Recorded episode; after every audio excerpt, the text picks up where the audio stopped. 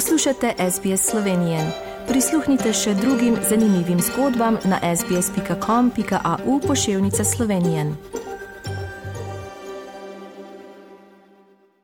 Prijazen pozdrav, spoštovani rojaki.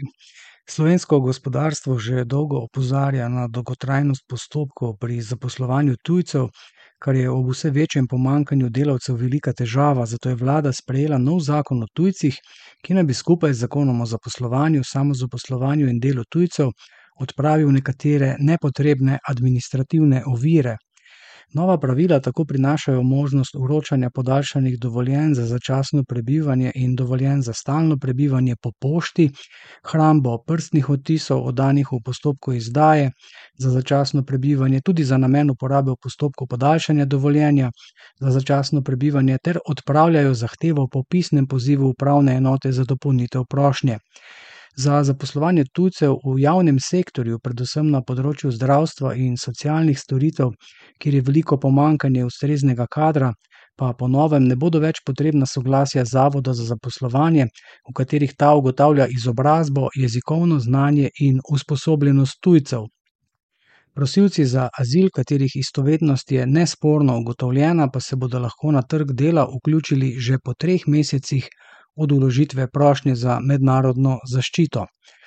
Na gospodarski zbornici rešitve za odpravo administrativnih ovir iz obeh zakonov pretežno pozdravljajo, saj te upoštevajo tudi nekatere njihove predloge. Zmotilo pa jih je, da se z novelo predlaga, da se za tujce, ki se bodo zaposlovali v državnem oziroma javnem sektorju, v zdravstvenih in socialno-varstvenih ustanovah, ne bo več potrebno soglasje Zavoda za zaposlovanje, Menijo namreč, da gre za obliko neenake obravnave, ne nazadnje je nujna potreba po kadrih tudi v drugih sektorjih in ne le v omenjenih. Medtem ko se bodo učiteljem po pogajanjih z vlado v kratkem povišale plače za 12 do 16 odstotkov, zaradi česar so zamrznili za konec meseca napovedano stavko, pa so direktori zdravstvenih domov in bolnišnic na premjera Roberta Goloba naslovili pismo z opozorilom, da bodo plače nekaterih zdravnikov po 1. aprilu presegle njihove plače.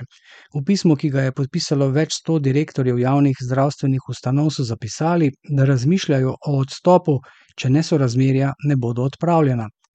Podpisniki so uvodoma spomnili, da se bodo s premembo kolektivne pogodbe za zdravnike v Sloveniji po 1. aprilu najbolj izkušeni zdravniki uvrstili 62. plačni razred in kasneje še v 66. plačni razred.